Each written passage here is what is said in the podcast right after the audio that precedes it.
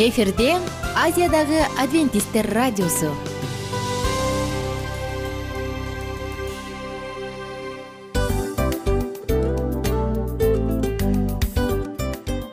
Достор салют. Баардык сүйүктүү угармандарыбызга салам айтабыз. Кутман күнүңүздөр менен. Ден соолук өмүрдүн булагы демекчи саламат саамы программасында баарыңыздарды көргөнүбүзгө абдан кубанычтабыз. Анда алгач амандашып өтөлү арбаңыздар деп. Ден соолугуңуздар кандай элибизде көбүнчө ден соолук кандай дегенде эле жакшы деп жооп беребиз э ооруп турсак дагы жакшы дейбиз. Анан мен муну айтып ойлойт элем бул абдан сонун сөз депчи анткени бул жакшы деген үмүт да э баары жакшы болот баары сонун. Деп үмүттөнүп атып эле өзүбүздү өзүбүз дарылап коебуз.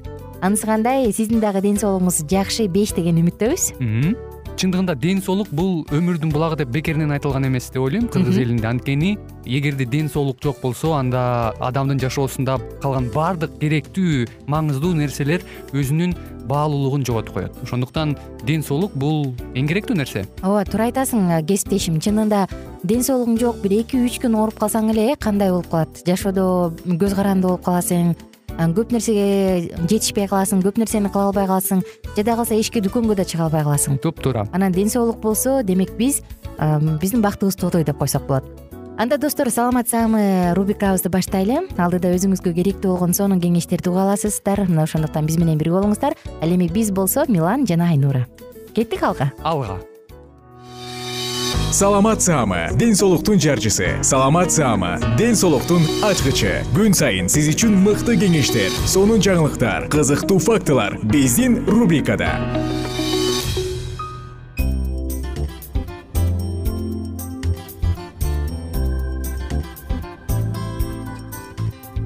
салам достор. Баардык угармандарыбызга ысык салам айтабыз. Айымдар жана мырзалар жалпыңыздар бизге жакын отуруңуздар. Анткени бүгүн сиздер менен эң керектүү тема күчтүү эрк жөнүндө сөз кылабыз. Бир жолу бирөө мындай дейт. Күч бар эрк бар. Бирок күчтүү эрктүү жок деп. Чынында таанымал эле көйгөй бул. Кошуласызбы? Анда күчтүү эрк деген эмне? Жана ал бизге эмне үчүн керек? Келиңиздер бүгүн. Мына ушул күчтүү эрк деген сөз айкашы жөнүндө кененирээк сөз кылалы. Тээ илгертен эле чыгыш акылмандарынын бири мындай деп айтыптыр. Өзүңдүн чечимдериңди байка дейт. Алар жүрүм турумга айланат. Өзүңдүн жүрүм турумуңду кара алар адатка айланат. Өзүңдүн адаттарыңды көзөмөлдө анткени алар ден соолугуңду жана мүнөзүңдү форматташтырат дейт. Элестетиңиз эч жактан бери эле айтылган сөз чындыгында жашоо бекем ден соолуктан жана жакшы мүнөздөн көз каранды көп нерсе кошуласызбы? Мен ушундай деп ойлойм. Эмесе достор кеттик андан ары. Деги эле адамдын жашоосунда күчтүү эрк эмне үчүн керек?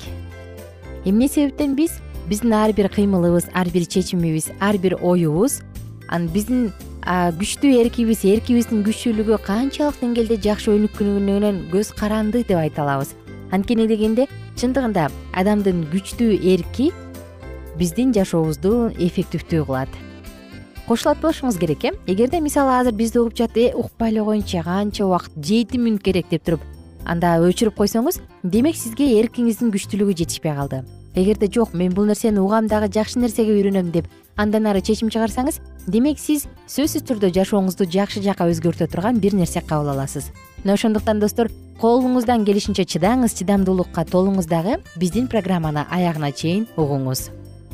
Эми болсо эрктин күчтүүлүгү эмне үчүн керек бул жөнүндө сөз кылалы алдыны көздөй жөнөдүк күчтүү эрк эмне? Күчтүү эрк адамдын мүнөзүнүн маанилүү бир жагы. Бул адамдын жөндөмү десек дагы болот. Баардыгынан эле биз мындай жакшы чечимдерди кабыл алабыз жөндөмүбүз бар. Биз бир нерсе кыла алабыз. Мисалы жан жаныбарларды алсак алар дагы сезет алар дагы канчалык бир деңгээлде ойлоно алат элестетиңиз. Бирок алар чечим чыгара алышпайт. Аларда болгону гана э, ген аркылуу келген инстинкт жана гормон бар. А адамчы адам тескерисинче биз генден кесир чечим чыгара алабыз. Бизде канчалык ген кубалайбы инстинктпи гормонбу кандай гана болбосун бирок биз өзүбүздүн каалообузду иш жүзүнө ашыра алабыз. Бизде чечим чыгаруу мүмкүнчүлүгү бар. Андан сырткары достор адамдын эркинин күчтүүлүгү бул эмне жакшы? Ошону өзү каалап жаткан нерседен башкача болсо дагы баары бир жасай алат. Бул чындыгында эң эле кереметтүү жол. Адам өзүнө жакшы болуш үчүн аны жасай алат. Анан адам өзүнүн чечимин каалоосуна каршы болуп турса дагы бирок бул ооба бул туура менин чечимим жакшы деп туруп чыгарыш үчүн албетте жакшы мээ керек. Мээ болгондо дагы эс алган дайыма кислород глюкоза азыктандыруучу заттар менен камсыз болгон мээ керек. Мурунку уктурууларда эсиңизде бар болуш керек э? Мээ эмне менен тамактанат кантип тамактанат? Бул жөнүндө сөз кыла алганбыз эгерде унутуп калган болсоңуз мурунку уктурууларды интернет булагынан издеп таап угуп коюңуз дал ушул эрктин күчтүүлүгү бар үчүн адам өзүнүн жашоосунун денесинин аң сезиминин кожоюну. Анткени биз өзүбүздө ар кандай адаттарды иштеп чыгарабыз анын негизинде биз эркин жана бактылуу боло алабыз. Эмесе ушул эрк күчтүү эркти кантип колдонуш керек? Кандай кыла алабыз? Келиңиздер бир нече мисалдын үстүнөн карап көрсөк. Мисалы биз кээде өзүбүздүн кайсы бир гормондорубуздун үстүбүздөн бийлик жүргүзүшүбүз керек. Бул өзгөчө айымдарга өтө тааныш болуш керек баягы айлык айыз деп коет эмеспи же болбосо менструалдык цикл э? Дал ушул менструация келердин алдында аялдардын көпчүлүгү укмуш таттуусу жегиси келет. Бирок таттуудан алар семирет. Эмне кылыш керек? Демек колдон келишинче конфетпи пирожныйбы аны жебей эле койгон жакшы.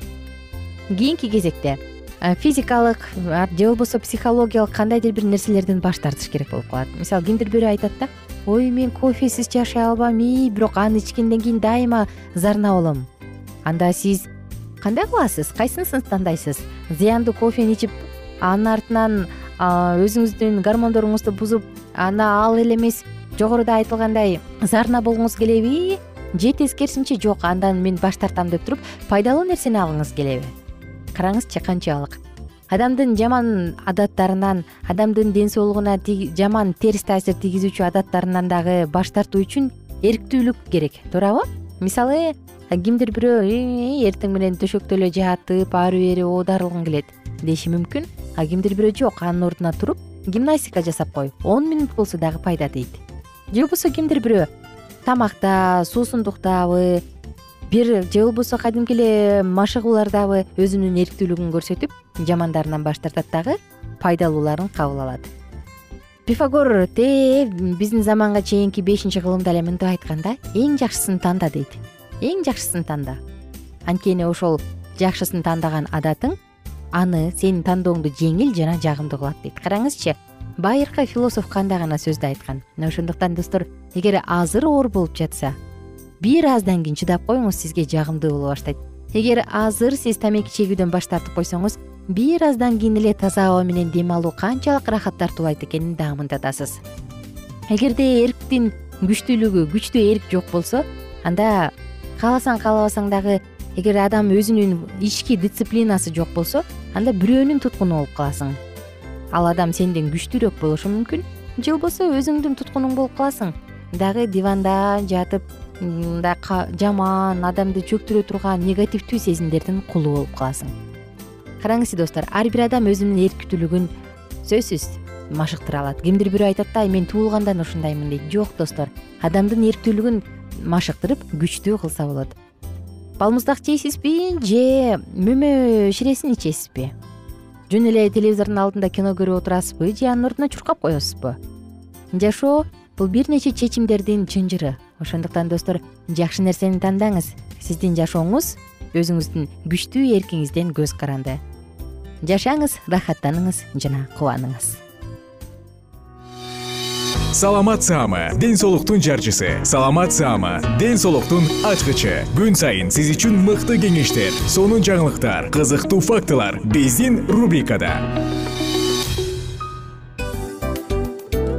Салют замандаштар баарыңыздарга ысык салам дил маек программабызга кош келиңиздер. Дил маек рубрикасы дегенде эле бул эмне болгон дил маек ким менен маектешебиз деп сурайт болуш керек угармандарыбыз бул рубриканы кыскача тааныштыра кете турган болсок ар тарап кесип ээлеринен болгон сонун интервью кеңештер бар. Ооба. Жылдыздар менен болгон маек бар. Аталарыбыздын агаларыбыздын чоң аталарыбыздан сонун кеңештер бар. Ошондой эле эже сиңдилердин кеңештери бар айтор. Баардык кызыктардын баары алдыда. Негизи эле адам баласы бир кимдир бирөөнө ишенип сырын ачкысы келет эмеспи э? Мындай баарлашууга жакын келебиз го. Албетте негизи бир жерге отуруп алып кенен шашпай баягы жүрөктөн жүрөккө ачып сырларыбызды ар кандай көйгөйлөрүбүз менен бөлүшүп баягы чын жүрөктөн маек курганды кимибиз сүйбөйбүз э? Ооба десең ал нерсеге суусап да келебиз да. Ооба кээ бирде адамга чындыгында баягы э, ысык маек баягы жылуу маек жетишпейт да. Ошондуктан биз ушул рубриканы ойлоп тапканыбызда эң биринчи эле достор сиздер менен чын жүрөктөн бир маңыздуу темаларды козгоп кеткени э, кааладык. Ошондуктан ушундай сонун бир рубриканы тартуулап жатабыз. Анын үстүнө радио дагы сонун дос да анткени э, мындай учурда досуңа айтсаң досуң досуна айтат досу досуна айтат да анан бүт өлкө билип калышы мүмкүн го а радио болсо сени сатпаган сенин айыбыңды ачпаган сенин сырыңды эч кимге айтпаган сонун дос мына ошондуктан биздин алдыдагы айта турган кеңештерибизди биздин досторубуздун кеңештерин угуп анан ал жака пикириңизди дагы калтырып кайрадан биз менен байланышсаңыздар болот. Деги эле жашооңузга эгерде кичине болсо дагы өзгөрүү алып моралдык жактан нравовик жактан сонун бир кеңештерди алсаңыз демек биз максатыбызга жеттик. Ооба. Чыңгыз атабыз улуу жазуучу э, чыңгыз айтматов айткандай адам болуу бул күнүмдүк процесс экен. Күн сайын адам бойдон калуу бул адамзатка эң эле кыйын дейт э? э эң кыйын дейт. Чындыгында бунун э, негизинде адамдын эң баягы сапаттуулугу адамдын э, адамгерчилиги жана көптөгөн керектүү нерселер. Мына ошол темалар дагы бизде ушул дил маекте биз аларды да козгойбуз. Ден соолук жөнүндө да сүйлөшөбүз. Сөзсүз түрдө анан милан мырза негизи айтып коюшат го. Биз көбүнчө эмнени ойлонсок ошол нерсеге карата иш кылабыз го. Ооба. Анан анысы кандай? Балким бул радио баракчада кимдир бирөөнүн оюн текшергенге жардам берет кимдир бирөөнүн жүрөгүн текшергенге жардам берет. Балким кимдир бирөөгө жашоонун маңызын тапканга жардам берет айтор кызыктын баары алдыда бул жөн гана кыскача жарнама анда угармандарыбыздын баардыгын кийинки рубрикабызга чакырабыз. Ал эми кызматта маңдайымда отурган кесиптешим милан жана мен айнура. Анда эмесе биз даярдаган терең терең ойлор менен таанышууга кеттик. Алыс алыс баралык. Анда эмесе достор биз менен бирге болуңуздар. Алдыда эң кызыктуу маалыматтардын баардыгы бир нече мүнөттөр бою жалгыз гана сизге арналат мына ошондуктан жакшы маанай менен угууну каалайбыз. Үн алышканча. Жөнөдүк. Ар түрдүү ардактуу кесип ээлеринен алтын сөздөр жүрөк ачышкан сыр чачышкан сонун маек. Дил маек рубрикасында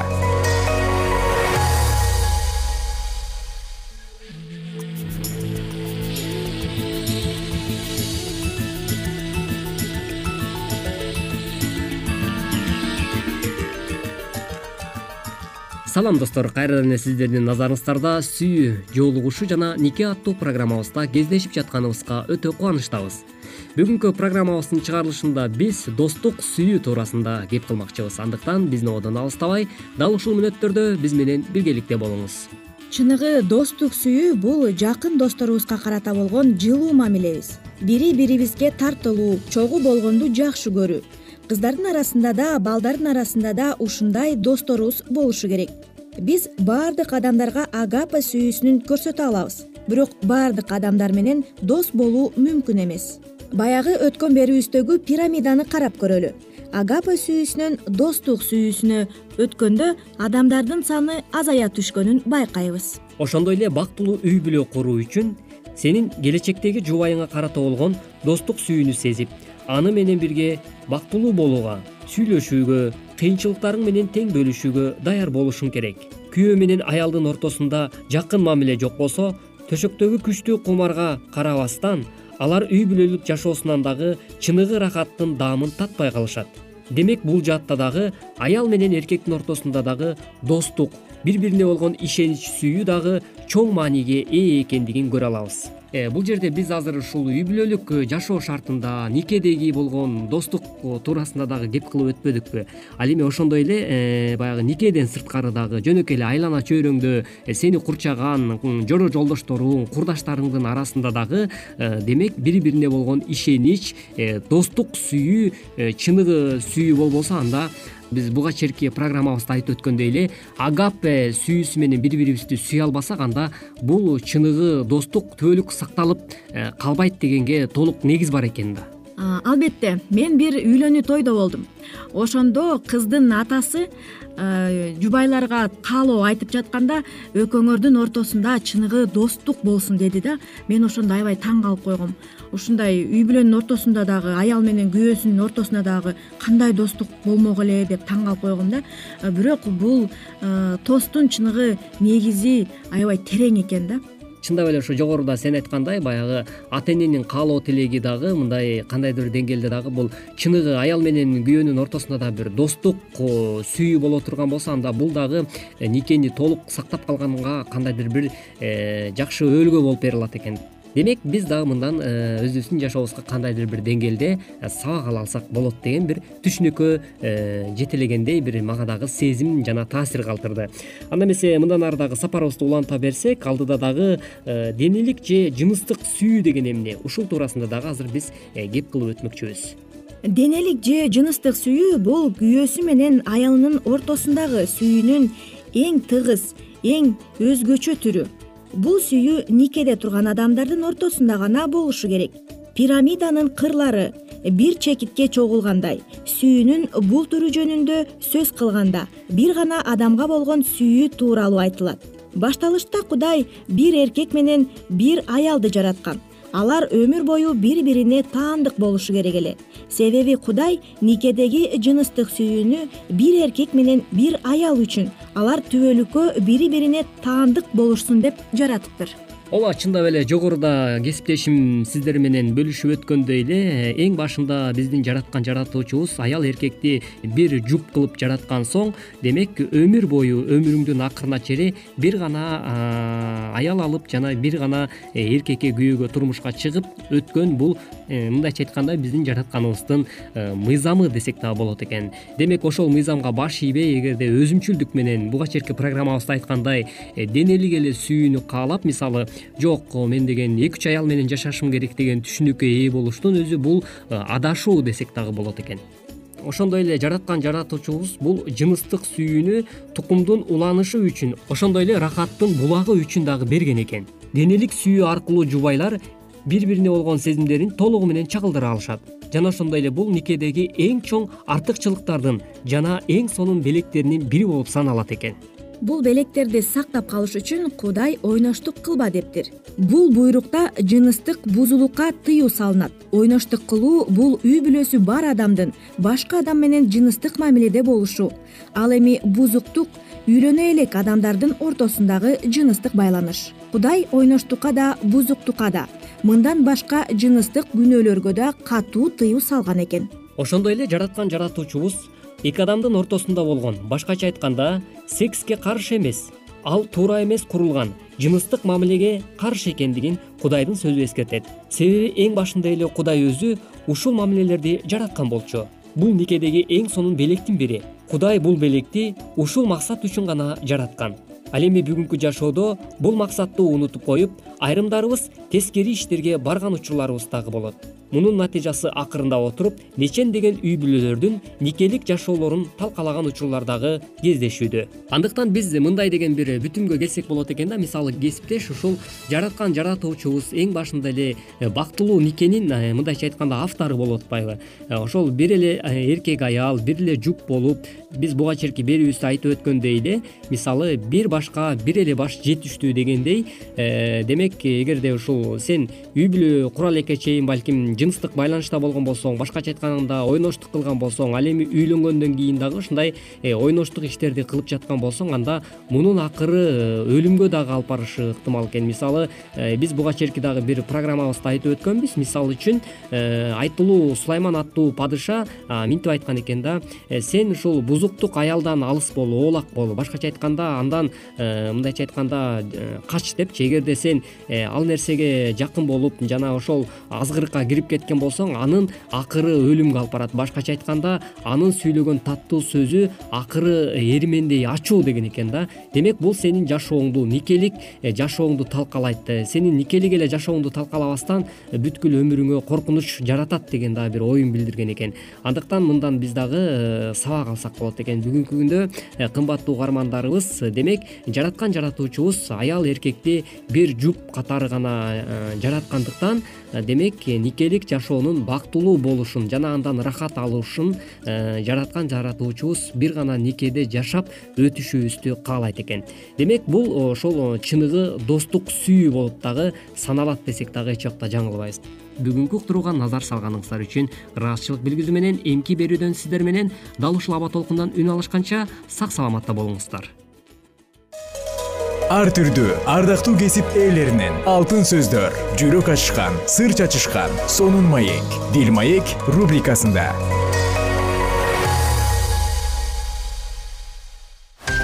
жан дүйнөңдү байыткан жүрөгүңдү азыктанткан жашооңо маңыз тартуулаган жан азык рубрикасы.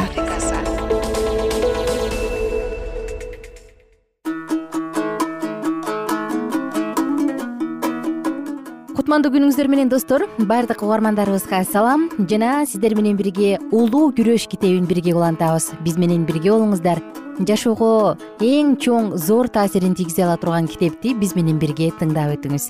Анда эмесе баардык угармандарыбызды дал ушул жан азык рубрикасына чакырабыз.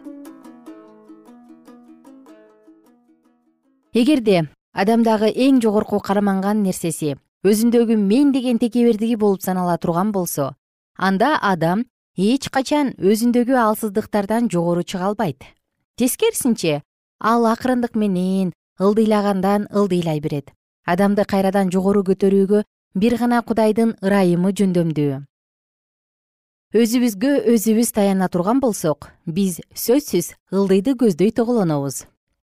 Ар кандай кумарларды денелик нерселерди жана сезимге берилгендикти жактырган адамдарга спиритизм жеңил назиктик менен берилет жана анын адепсиздигин алар өздөрүнүн жагымдуу болгон нерселеринен табышат шайтан адамдагы ар бир алсыздыкты билип турат. Жана адамга жагымдуу болгон күнөөлөрдү белгилеп жана ошол жаман иштерди жасай турган сезим көпкө чейин күтүп жүрбөш үчүн кам көрө баштайт. Жана адамдагы болгон талаптарды булгоо менен алардын акылына жана ден соолугуна адеп ахлагына залакасын тийгизүүгө мажбурлайт. Ал түмөндөгөн адамдардын өмүрүн талкалаган жана дагы көп сандаган адамдардын өмүрүн өз кумарларына берилүүсүнө үндөө менен малдын кебин кийиндирип талкалап жатат. Жана өзү жасап жаткан иштеринин аягына чыгаруу максатында ал спиритизмге берилген адамдар аркылуу чыныгы билим. Адамды мыйзамдардын үстүнөн жогору көтөрөт жана бардык кудай айыптабаган болуп жаткан нерселер жакшылык үчүн жана жасалып жаткан күнөөлөр айыпсыз. Адамдар алардын каалоосу мыйзамдан дагы жогору болгондугуна ишенишип эркиндик бул каалаганыңды аткаруу.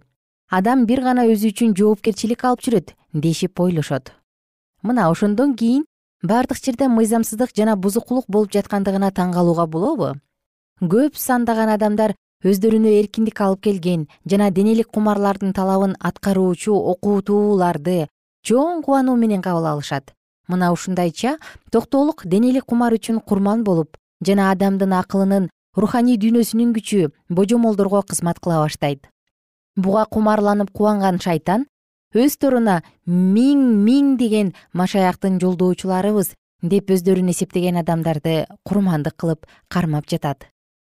Бирок спиритизмдин жалган алдоолоруна азгырылуунун кереги жок. Азгырыктын кылган иштерин билип калуусу үчүн адамдарга кудай жеткиликтүү жарык берген. Биз окуп билип кеткендей спиритизм ыйык жазуунун ачык окутууларына карама каршы келет. Өлгөндөр уктап жаткандыгы жана акыркы күнгө чейин эч нерсе билишпегендиги жөнүндө биз ыйык жазуудан окуй алабыз. Жана күн алдында болуп жаткандар менен алардын эч кандай байланышы жок жана жер үстүндө алар үчүн кымбат болгон адамдардын кайгыруулары же кубанычтары жөнүндө аларга маалым эмес. Андан тышкары кудай ар кандай өлгөн адамдардын арбагы менен сүйлөшүүгө катуу тыюу салган. Иудейлердин арасында дагы биздин кездеги спиритизмди колдонгон адамдар сыяктуу эле адамдар болгон. Мындай рухтарды ыйык жазуу жиндердин руху деп атайт. Мындай рухтар менен сүйлөшүү кудай алдында жийиркеничтүү жана өлүм жазасы менен тыюу салынган. Арбоочу деген сөздүн өзү биздин күндөрдө жагымсыз болуп угулат жана адамдар жаман жиндер менен байланыш түзөт экен деген ишенимдер орто кылымдардагы ойлоп тапкан нерселер катары кабыл алынат. Бирок миң миңдеген жана миллиондогон келгиндерин санакка алган спиритизм билимдүүлөрдүн жыйындардын мыйзам чыгаруучу органдардын жана падышалык ак сарайлардан орун алган бул өтө чоң алдамчылык. Байыркы мезгилдерде тыюу салынган жана айыпталган жана жамынып жашырынган арбоочулук болуп саналат. Спиритизмдин чыныгы мүнөзүн далилдеген башка эч кандай далил табылбай калган күндө дагы машаяк жолун жолдогон адамдар үчүн спиритизмди колдонгон адамдар адилеттик менен күнөөнүн ортосунда машаяктыктын таза жана жакшылыкты самаган элчилери менен шайтандын бузулган шабырларынын ортосунда эч кандай айырмачылык кылып жатышпагандыктарын билүүлөрү жетиштүү. Эң эле бузулган адамдар асманга барышып жана ал жакта көрүнүктүү орундарды ээлешет деп.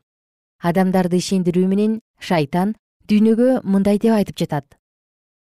Силер канчалыктуу күнөөлүү болосуңар айырмасы жок. Кудайга жана анын сөздөрүнө ишенесиңерби же жокпу. Силер өз каалаганыңардай жашай бергиле. Силердин үйүңөр асманда. Спиритизмдин ишенимдүү адамдары мындай дешет теңирдин көз алдында жамандык кылгандардын бардыгы жакшы көрүнөт. Ал андайга жакшылык кылат же болбосо калыс кудай кайда? Бирок кудай сөзү мындай дейт. Жамандыкты жакшы дегендерге жакшылыкты жаман дегендерге караңгыны жарык деп жарыкты караңгы деп эсептегендерге кайгы деп жазылат ышая китеби бешинчи бап жыйырманчы аятта. Бул жалгандыктын рухтары өздөрүн элчилерге салыштырып ыйык рухтун таасири алдында жазган нерселердин бардыгына карама каршы көргөзүшөт. Алар мукадастагы кудайдын кудуретинен баш тартышат. Мына ушундайча машаяк жолун жолдонгон адамдардын үмүтүнүн негизин талкалашып асманга баруучу жолго тийип турган жарыкты жокко чыгарышат. Шайтан адамдарга мукадас бул адамдардын ойлоп тапкандары. Адамзат тарыхында алардын жаш балдардай ыйлап калбашы үчүн гана колдонулган ал эми ага азыр олуттуу кароонун зарылдыгы жок. Жана аны эскирип калгандыктан таптаза унутуп коюшубуз керек. Ал эми кудай сөзүнүн ордуна алар ар кандай спиритизмдин ыкмаларын сунуштайт. Бардыгы анын колунда болгон каналдар булар. Анын жардамы менен ал бул дүйнөнү эмнеге болсо дагы ишендире алат?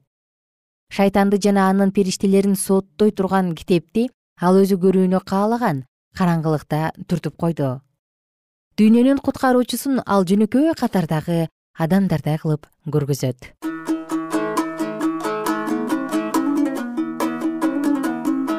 Достор кызыктуу окуябызды ушул жерден токтотолу анткени убакыт ченелүү. Кийинки уктурууда баардыгыңыздарды кайрадан күтүп алабыз жана окуябызды андан ары улантабыз. Күнүңүздөр көңүлдүү улансын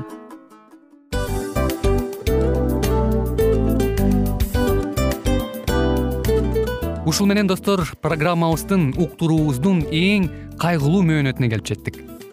Кайгылуу дегенде ыйлагым келип кетти кесиптеш кадимкидей. Анткени баягы учурашасың анан коштошуу учур келгенде ии кантип ии эми бат баттан келиптир э сагындырбай деп атып араң коштошобуз го. Анысы кандай угармандарыбыз менен коштошчу учур келди кийинки уктурууларды сагыныч менен жүрөгүбүздө кусалык менен күтөбүз жалпыңыздарды анан э, жарым сааттык уктуруу көз ачышым канча өтүп кетти. Сөзсүз бирок бизде жакшы кабар бар. Кийинки уктурууларыбызда сөзсүз дагы кезигишебиз. Анткени биз көптөгөн сюрприздерди кызыктуу маалыматтарды жана керектүү керектүү нерселердин көбүнчөсүн даярдадык андай угармандарыбыздын баардыгына ийгиликтүү күн каалайбыз эгерде бүгүнкү күнүңүз өзгөчө э, өтүшүн кааласаңыз анда позитивдүү ой жүгүртүп жылмайып жакындарыңызга жакшы маанай тартуулап жүрө бериңиз. Анткени сөзсүз түрдө мунун арты кайтат э? Сөзсүз. Баягы ден соолугуң оңолот ал бул деп көп нерсени санап келебиз. Эң негизгиси бул сиздин жашооңузду жаркын кыла түшөт экен жараткан кудай ар бирөөңүздөргө батасын берсин жашооңуз ийгиликтүү болсун сак саламатта калыңыздар деп мен милан жана кесиптешим айнура. Баардыгыңыздар менен кийинки уктурууда үн алышканча баарыңыздарга ийгилик каалайбыз.